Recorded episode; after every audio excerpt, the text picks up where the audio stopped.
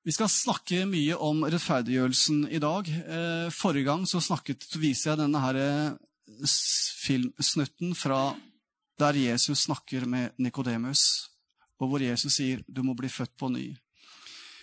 Eh, og det er jo det som må skje for at vi skal kunne bli frelst, så må vi bli født på ny.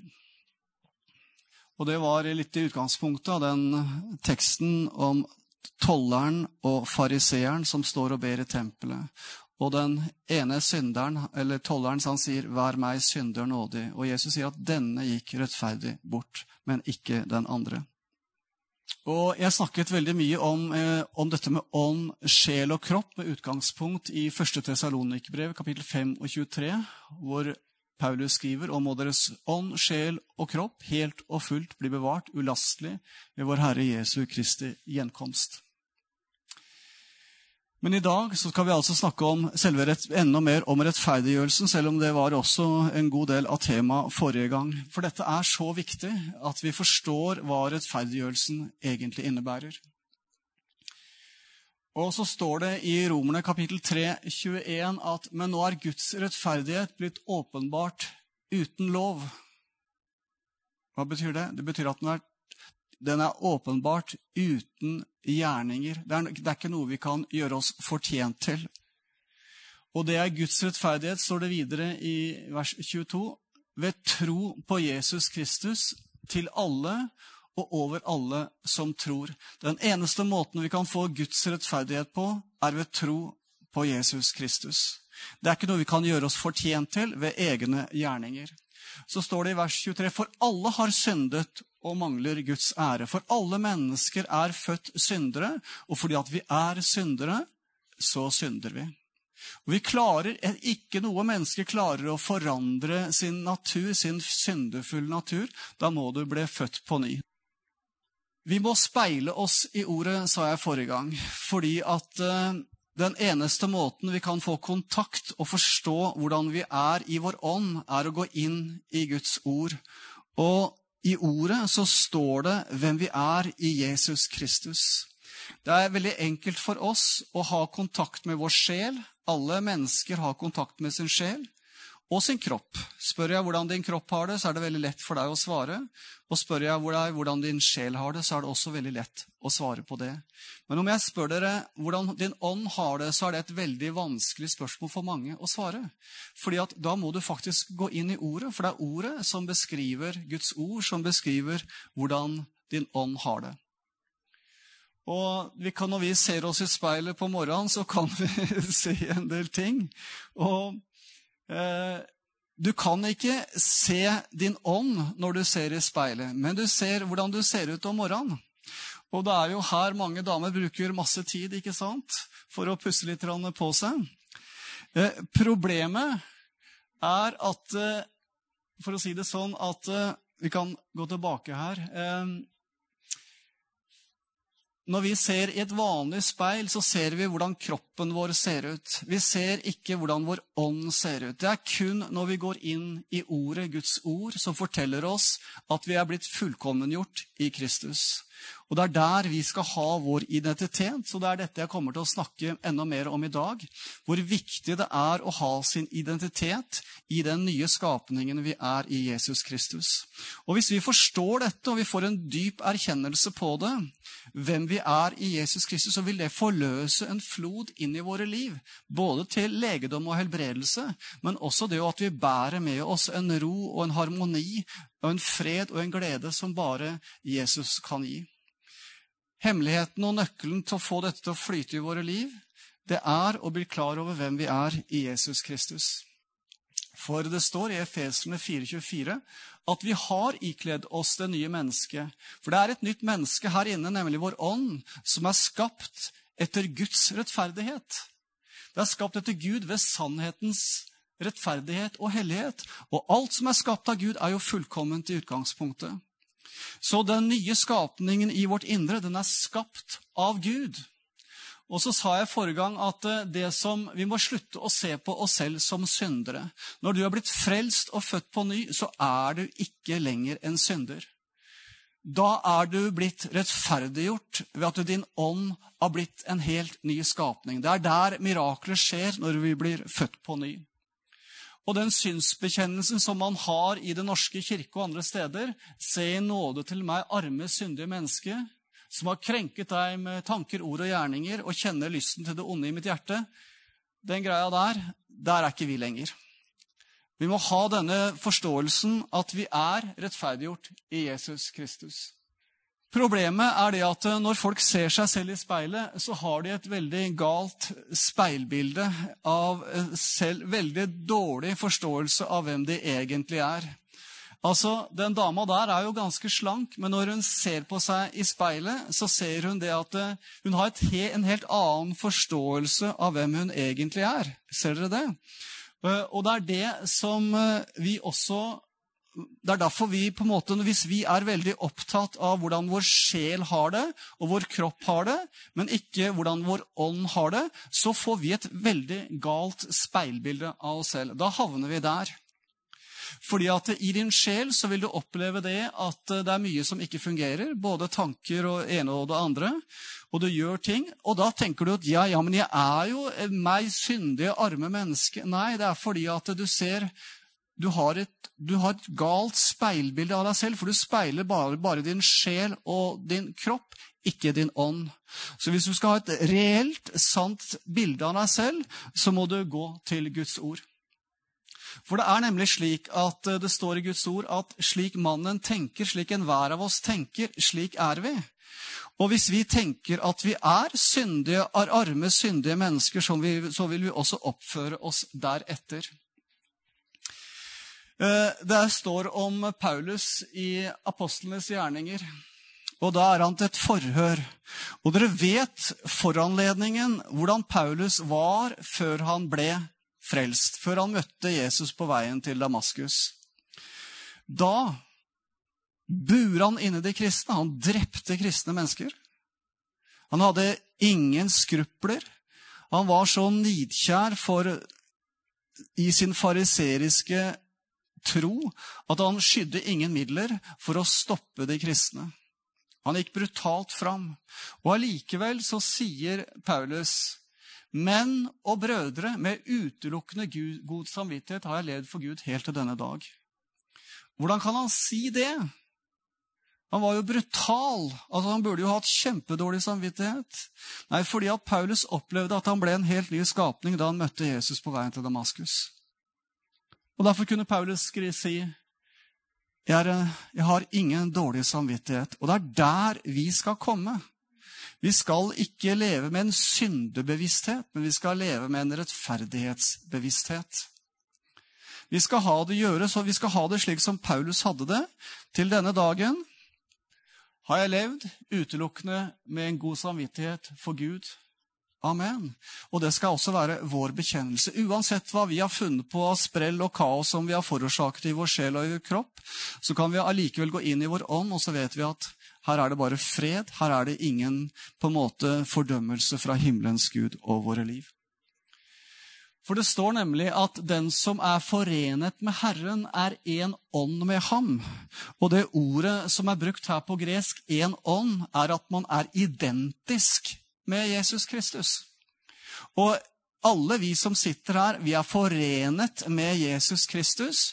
Og da har vi blitt én ånd, og da vil det si at vår ånd, vårt indre menneske, vårt gjenfødte menneske, er identisk med Jesu Kristi ånd. Det er der vi skal ha vår identitet. Ser dere denne enorme forskjellen?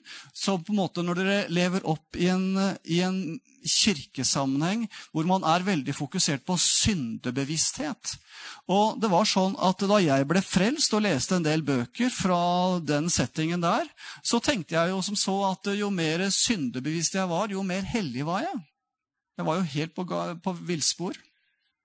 Men det som skjer, er jo det at eh, når vi forstår hvem vi er i Jesus Kristus, så skjer det på grunnlag av en forvandling i vårt sinn.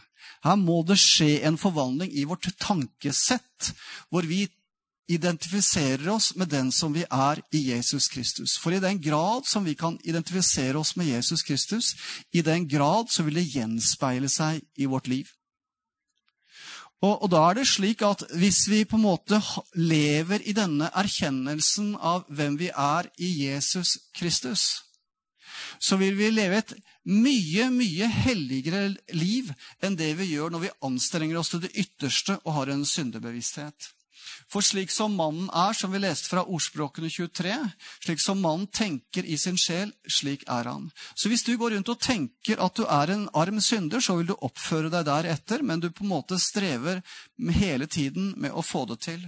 Men du er under en fordømmelse. Vi må forvandles, og det var dette jeg viste forrige gang. Her, når det står her at vi skal forvandles, så er det jo slik at en sommerfugl så er det først en larve. Og så blir den en fantastisk sommerfugl. Og det er denne prosessen som skjer når vi fornyer sinnet vårt, og så kan du bare velge hvilken sommerfugl du vil være. Så i den grad vi kan identifisere oss med vår gjenfødte ånd, så kan det overnaturlige livet flyte fra vårt indre menneske ut i vår sjel og i vår kropp. Men så er jo spørsmålet, og det er det som på en måte blir hovedtema i dag Hva skjer med vår rettferdighet når vi synder. For det gjør vi. Det gjør vi alle. Og det å synde er ikke å bryte, bare bryte de ti bud. Det står her sånn at derfor alt som ikke er gjort i tro, det er synd. Har du gjort en del ting som ikke har vært i tro i dag, da har i, da har du syndet. Ikke sant? Så vi synder ubevisst, vi synder bevisst. Altså, Vi tenker ikke så mye over det, men vi, vi, vi synder, alle mennesker. Og hvis jeg sier til deg at eh, For det står i Efeserbrevet at mannen skal elske sin kone like på samme måte som Kristus elsket menigheten. Og så kan vi spørre mannfolka gjør dere det. Og Hvis ikke du gjør det, så har du altså synda. Har du synda i dag? har du elsket din kone slik som Kristus elsket menigheten? Hvis ikke du har gjort det, så har du synda. og så kan man si til kvinnen du skal ære og akte din mann slik som menigheten akter å ære Kristus. Og så kan du spørre damene har dere gjort det i forhold til mannen din. Ikke bare tolerere han, men akte ham og respektere ham og sette ham høyt. Så du vet at ingen av oss på en måte fyller disse kravene. Så da har du synda i dag, da. Har du ikke det? Så alle har vi syndet i mer eller mindre grad. Og så er det et veldig viktig bibelvers som står i 1. Johannes kapittel 1 og vers 9 og 10. Og det skal vi bare lese, det som står her. Hvis vi bekjenner våre synder, er Han trofast og rettferdig, så Han tilgir oss syndene og renser oss fra all urett. Hvis vi sier at vi ikke har syndet, gjør vi ham til en løgner, og hans ord er ikke i oss. Altså, Hvis vi bekjenner våre synder, er han trofast og rettferdig, så han tilgir oss syndene og renser oss for all urett. Ja, men da er bekjennelsen viktig. Ja, i hvilken sammenheng er bekjennelsen viktig? Og et liv der du kontinuerlig lever i at du må bekjenne alle dine synder hele tiden, da har du ikke stort annet å gjøre, altså. Du har ikke stort annet enn å gjøre å drive med det hele dagen. Og vet du hva det medfører? At du lever et liv under kontinuerlig fordømmelse og kontinuerlig mindreverd og uverdighet. Det er ikke et godt liv. Og det er, det, at, eh, det er sånn du lever hvis du har din identitet i at du er en synder. Jeg var der i mange år som nyfrelst, for jeg fikk ikke noe sunn undervisning. Og det var fryktelig. Jeg var under kontinuerlig fordømmelse, mer eller mindre. For jeg så jo at jeg klarte jo ikke å leve opp til Guds krav. Altså, det er jo noen munker som driver sånn, og bekjenner og bekjenner og bekjenner. Og det er jo mørkemenn, ikke sant? Jeg vil ikke bli identifisert med akkurat de folka der sånn. Jeg tror kristendommen er glad. Jeg tror kristendommen gir et overskudd inn i livet vårt så skal vi se fordi at, eh, La oss bare ha det litt sånn i bakhodet. Hva gjør vi når vi synder? Og hvilke konsekvenser får det for oss? Og Dere vet jo det som Runar har fortalt mange ganger. Han vokste opp i pinsesammenheng, og han tenkte at når han syndet, da var løpet kjørt. Han var jo livredd for om Jesus kom tilbake. Han levde med den frykten inntil Gud åpenbarte en del ting for ham, at han tilhørte ham uansett. Men det er mange som tenker at uh, med en gang jeg synder, så mister jeg forbindelsen med Gud. Og så er det bare å skynde seg å bekjenne. For Hvis ikke jeg bekjenner, så kommer det ikke under blodet, og da kan jeg jo gå fortapt. Det er mange mennesker som tror dette her sånn. Men det står i Hebreerne 9,12 at ikke med blod av bukker og kalver, men med sitt eget blod gikk Jesus inn i det aller helligste en gang for alle og fant en evig forløsning. Altså, han gikk inn i, det, inn i den himmelske helligdommen en gang for alle og vant en evig forløsning. Det er noe som bare er gjort én gang. Altså han som ved en evig ånd bar seg selv fram uten feil for Gud for å rense deres samvittighet. Han gikk inn i den, helle, inn i den himmelske helligdommen for at ikke vi skulle gå rundt med en dårlig samvittighet. Han skulle derfor for å rense vår samvittighet fra døde gjerninger. Og han har ikke ofret seg selv flere ganger. Han døde én gang på det korset. Og det er ikke slik at Jesus i, sin, i, det himmelske, der han er ved Faderens trone, at han ofrer seg selv gang på gang. Han har ofret seg selv én gang, én gang for alle, for, for all evighet. Han trenger ikke ofre seg selv på nytt igjen. Han ble ofret én gang. Men dere vet at det er en forskjell mellom den gamle og den nye pakt. fordi at i den gamle pakt så var det slik at eh, når jødene syndet, så måtte de ofre et dyr som skulle bøte med livet, fordi at syndens lønn er døden. Og da hadde de et både sånn som generelt så var det både et morgenoffer og det var et kveldsoffer. Og hvis du gjorde noe gærent, så måtte du ofre, og at et dyr skulle bøte med sitt liv hvis du hadde gjort en synd, avhengig av hvor mye du gjorde. ikke sant? Så Jødene vokste opp med sånn kontinuerlig synserkjennelse at de strakk ikke til. Og gjennom det så forsto de alvoret i synden, fordi at Guds vrede var over all synd. Men vi må ikke ta det gamle pakten inn i den nye og tenke at vi skal leve som israelittene og jødene gjorde før Jesus kom. For gjør vi det, så er det nesten som å gå inn i den gamle pakt og gjøre akkurat sånn som jødene gjorde den gangen. Men det står her sånn i Hebreerne 10.10 at vi har blitt helliget ved ofringen av Kristi kropp én gang for alle. Altså, Det er gjort én gang for alle. Det er ikke nødvendig med noen nye offer. Så står det for ved ett offer har Jesus gjort dem fullkomne som blir helliget. Altså ved ett offer på Golgata kors så holder det for alle tider. Det holder for alle tider. Altså, det er slik at eh, Og dette er et offer som har gjort oss fullkomne og hellige. Vi har gjort fullkomne. Og den fullkommenheten som Jesus har gjort i, våre, i vårt indre, det er i vår ånd, i vårt indre menneske. Vi er blitt helliget og fullkommengjort ved Jesu for én gang for alle, for alle tider. Vi er fullkommengjort. Og det betyr at alle de syndene som du har begått i fortid, i nåtid og all fremtid, de er allerede tilgitt. Altså, jeg ble frelst for 40 år siden. Mario Lurs, dere ble frelst for åtte år siden ca. Og Jesus døde jo på korset for 2000 år siden. Men alle mine synder som jeg gjorde, kan du si, før jeg ble frelst. Og alle de syndene som jeg gjør Kanskje jeg gjør noen gærne ting akkurat nå også, ikke for alt jeg vet, for å si det sånn. Men også alle mine synder som jeg vil gjøre i morgen, de ble sonet på korset. Absolutt alle ting ble sonet på korset. Alle synder. Og det betyr at når du tar imot Jesus Kristus, så er alt det som du har gjort gærent, det er allerede sonet. Og alt det jeg gjør i dag, det er allerede sonet. Og alt det jeg gjør i morgen, det er allerede sonet. Han bar fram offeret én gang. Han ofrer ikke seg selv på nytt og på nytt. Han har satt seg ved Faderens høyre side, ved tronen. Og da betyr det at du er allerede tilgitt. Er, da er det ikke slik at om du synder nå eller synder i morgen, så får du flekker på ditt indre menneske, på din ånd. Din ånd er like ren Den får ikke noen konsekvenser for ditt indre menneske om du synder. Ja vel? Vi trenger ikke gå rundt som noen mørkemenn med hodet under armen og armen i bind.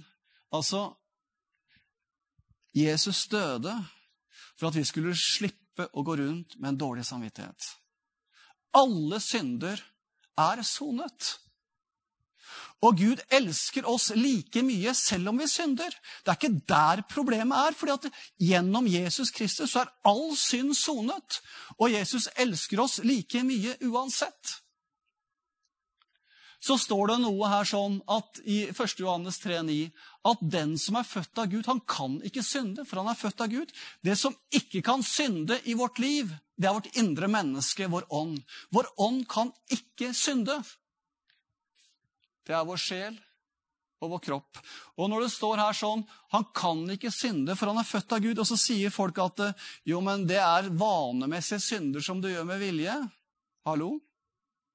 Veldig mange synder er vanemessige synder. Og vet du hva? Hvis du overspiser, så fører det til en vektøkning. Og jeg kjenner veldig mange overvektige som er overgitt til troende. Gjør dere? Men da vanemessig synder de mot kroppen og det som på en måte Gud har skapt kroppen til å være. Men du er like frelst allikevel, så det kan jo ikke bety det. Og også når du tar imot Jesus Kristus som Herre, så tenker man ja, da må du i hvert fall bekjenne alle dine synder. Nei, du må ikke det. Det er ikke sånn du blir frelst, ved å bekjenne alle syndene dine. Hvordan blir du frelst da? Ved at du tror på Herren Jesus Kristus. Og det er en fortelling av Apostlenes gjerninger, kapittel 16, hvor Paulus og Silas er kommet i fengsel. Og så er de putta inn i det innerste fangehullet. Og så kommer det et jordskjelv, for de priser Herren og synger lovsanger. Og så faller lenkene av. Alle dørene spretter opp. Og så kommer fangevokteren inn og er i ferd med å ta sitt eget liv. Og så sier Paulus til ham, 'Ikke gjør det. Vi er her alle sammen. Bare slapp av.' Og så spør han, 'Hva skal jeg gjøre for å bli frelst?' Så sier ikke Paulus, 'Bekjenn alle syndene dine, og så skal du bli frelst.'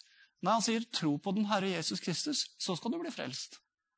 Og det er det som står i Romerne 10 også, for dersom vi med vår Dersom du bekjenner Herren Jesus med din munn og tror i ditt hjerte at Gud har oppreist ham fra de døde, skal du bli frelst. Så det, Du trenger ikke å bekjenne all verdens synder for å bli frelst. Men det som du trenger for å bli frelst, er å forstå at du er en synder. Ikke sant? Du må forstå at du er en synder og trenger en frelser. Og det var ikke noe sånt noe som kom veldig brått for meg den gangen som jeg ble frelst. Det kom gradvis når jeg begynte å lese Bibelen. Jeg hadde ikke noe sånn dyp synserkjennelse. Jeg hadde ikke noe behov for å bekjenne en eneste synd. Jeg tenkte ikke på det i det hele tatt. Men etter hvert så skjønte jeg at jeg var en synder, og at jeg trengte en frelser. Og så gjorde jeg Jesus til min herre. Skjer det ingenting da når jeg synder? Fordi at om du synder, så skjer det jo ingenting. Gud elsker deg jo like mye uansett når du synder. Men da er det jo bare fritt fram for å synde, da, er det ikke det? Hvis Gud elsker deg like mye. Og så skriver Paulus i Romerne 6 at skal vi da fortsette å synde? Nei, for all del, på ingen måte, står det. Og det greske ordet som er brukt her, det er en sånn kraftig benektelse som overhodet er mulig å få til med ord. Altså på ingen måte det at du er på en måte at Gud elsker deg like mye etter at du på en måte, eh, Selv om du synder. Kan, skal det på en måte frigjøre deg til å leve i synd? Nei! Selv om du synder, når du synder, så vil Gud elske deg like mye. Det er ikke det som er problemet. At Gud ikke elsker deg like mye. Det er ikke det som er problemet. Problemet var nemlig den at uh, før vi ble frelst, så var vi syndens slaver, og vi var frie fra rettferdigheten. Hva betyr dette egentlig? Jo, du var slave under din syndenatur før du ble født på ny. Og da hadde du ingen del i rettferdigheten i den nye skapningen. Og det var ikke mulig heller for en synder å bli rettferdiggjort ved å gjøre gode gjerninger. Klin umulig! Det var, det var som et sånt skille her på en måte før vi var før vi ble frelst. Vi var syndere i vår natur. Og det var umulig for oss å bli rettferdiggjort ved egne gjerninger. Det er ingen mennesker som kan forandre sin natur av seg selv. Men nå står det videre i vers 22 nå er dere satt fri fra synden. Hva da? Dere er satt fri fra syndenaturen og er blitt tjenere for Gud. Altså, Nå er vi på samme måte som en, en synder ikke kunne ha, på en måte ha, ha, ha en rettferdiggjort natur så kan vi ikke bli, få en syndenatur tilbake hvis ikke vi gir avkall på frelsen. Uansett hvor mye du synder, så blir du ikke en synder i ditt indre menneske. Din natur forandres ikke. Og Det betyr ikke at vi som en kristen ikke kan synde, men at din rettferdighetsnatur ikke forandres selv om du synder. Dette er hovedgrunnen til at ikke vi lenger lever i synd. For natur er forandret. Når du blir født på ny, så får du lyst til å leve et hellig liv. Det er noe som bare tenner i deg. Du er ikke lenger en gammel synder. Du er en ny person i Jesus Kristus. Og det er hovedgrunnen til at du lever et hellig liv. Det er fordi at du har blitt ny på innsiden, ikke fordi at du tar deg sammen når du blir kristen, men fordi at du har blitt en ny skapning på innsiden. Så står det noe mer også her sånn i Romerne kapittel 6. Det står at eh, når dere stiller dere fram til tjenere mot noen, og er dere tjenere til lydighet mot noen, er dere tjenere under den dere lyder. Enten det er under synden som fører til døden, eller det er under lydigheten som fører til rettferdighet. Når vi synder, det som vi egentlig gjør, vi gir oss over til djevelen, for han er, han er roten til all synd. Vi slipper djevelen til inn i våre liv. Og hvem er det som ønsker å gjøre det? Da er det jo bare dum, for å si det sånn. Hvem ønsker å slippe djevelen til inn i våre liv? Det er det som skjer når jeg synder er det at jeg åpner opp, jeg gir djevelen adgang inn i mitt liv. Og dere vet det som står i Johannes 10,10, 10, at tyven kommer ikke for noe annet enn for å stjele, drepe og ødelegge. Slik at hvis vi lever i synd og bare fortsetter med å gjøre det, så slipper vi djevelen til. Ja, men i all verden, hvordan kan du finne på det, da? Men Gud elsker deg like mye. Men når vi slipper djevelen til inn i våre liv, så vil han ødelegge våre liv. Det er jo det han ønsker. Han ønsker å ruinere deg. Han ønsker å ødelegge jobben din. Han ønsker å ødelegge ekteskapet ditt. Det er det som blir konsekvensen hvis vi slipper djevelen til. Det er jo bare idioti. Hvorfor skal vi gi Satan inngang inn i livet vårt? Men om du synder, så elsker Gud deg like mye. Men du har sluppet djevelen til. Og det er i den settingen her sånn altså, Gud vil fremdeles elske deg. Mens du går, går gjennom din fjerde skilsmisse, når dine barn har avvist deg, og alt rakner omkring deg, så vil Gud elske deg like mye. Men du har åpnet opp for djevelen inn i ditt liv. Så kan vi gå tilbake til Johannes 1,9 for å få en forståelse av det. Og Der står det hvis vi bekjenner våre synder, er han trofast og rettferdig, så han tilgir oss syndene og renser oss fra all urett. Så det er en plass vi skal bekjenne synder. Men hvorfor skal vi bekjenne synder når Gud elsker oss like mye? Saken er den at hvis vi har sluppet djevelen til inn i våre liv, så må vi sparke han ut igjen. Og hvordan sparker vi han ut igjen? Ved å bekjenne at det som vi har gjort, er gærent. Og da gjør det noe med vår relasjon til de menneskene vi lever sammen med. Da gjenoppretter vi en relasjon til de menneskene som vi har gjort gale ting mot. fordi at synd er jo noe som rammer mennesker som vi lever sammen med. ikke sant? Men når vi bekjenner dette her sånn, så sparker vi jo djevelen ut på det området. Skjønner dere? Det er jo sånn vi sparker den ut. Og det som da skjer, er det at det området i ditt sjelsliv eller din kropp som var så besmittet, og hvor djevelen hadde fått en inngang, der sparker du han ut. Og det er det som skjer når vi bekjenner våre synder. Men det, det er ikke noe som på en måte forandrer vår åndelige situasjon i vårt indre menneske, men det forandrer vår sjeliske situasjon. Ser dere det? Så når vi bekjenner våre synder, så er ikke det i forhold til vår evige frelse at vi må bekjenne synd for å bevare vår frelse. Det er i relasjonen til våre medmennesker at dette er viktig. Har vi gjort noe galt, så bekjenner vi det og legger det under blodet, og så går vi videre.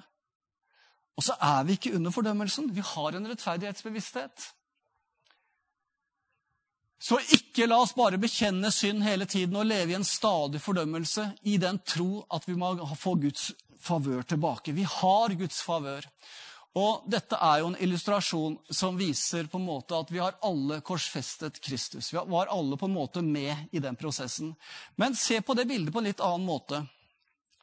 En som stadig kommer inn for tronen og bekjenner synd. Og så tar han egentlig en slegge, og så slår han seg selv. Han piner seg selv. Og det er sånn veldig mange kristne mennesker lever. Vi slår oss selv. Vi slår oss selv. Og hvis ikke det er nok, så kjører vi gjerne en nagle. Han har en nagle i den hånda si, så kjører vi gjerne en nagle i oss også. For å ha det skikkelig vondt. Det er ikke den tilstanden som Gud ønsker at vi skal være i.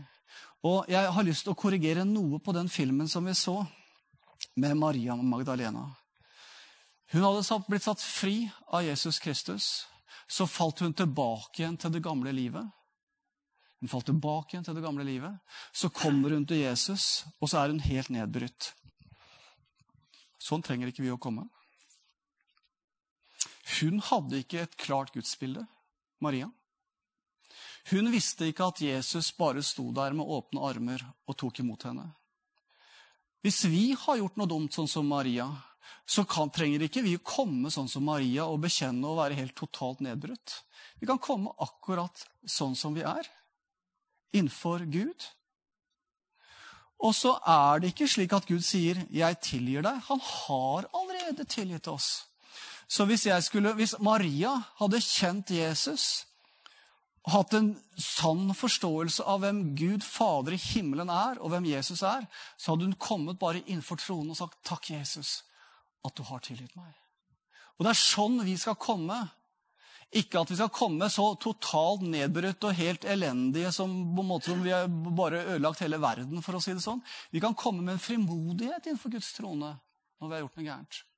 Og Vi skal på en måte rydde opp i dette å bekjenne synder. Og det er ikke i relasjonen til Gud. Det er ikke derfor vi bekjenner. For all synd, relasjonen til Gud, er der hele tiden. Det er derfor vi kan komme tilbake til ham hele tiden når vi har gjort noe dumt. Ikke sant? Og det er denne måten som vi ærer Gud på i vårt kristne liv. Det er ikke hellighet å stadig ha en syndebevissthet. Det er en rettferdighetsbevissthet, at vi forstår hvem vi er i Jesus Kristus, som er sann hellighet, og som ærer Gud.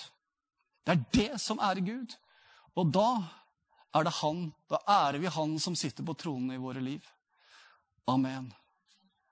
Det er den undervisningen jeg hadde i dag. Og jeg tror det er så viktig undervisning. Jeg tror dette her er så mange mennesker som sliter på dette området her sånn, og som hadde trengt å på en måte få denne forståelsen. At vi er satt fri, vi er tilgitt. Vi trenger ikke komme med hodet under armen og armen i bind når vi kommer inn for tronen. Vi kan komme oppløfte hender og bare takke ham for at vi allerede er tilgitt. Vi trenger ikke be oss om tilgivelse. Det er allerede gjort. Men det, når vi ber om tilgivelse, så er det først og fremst i forhold til de menneskene vi lever sammen med. Relasjonen til Gud, den er der hele tiden. Amen.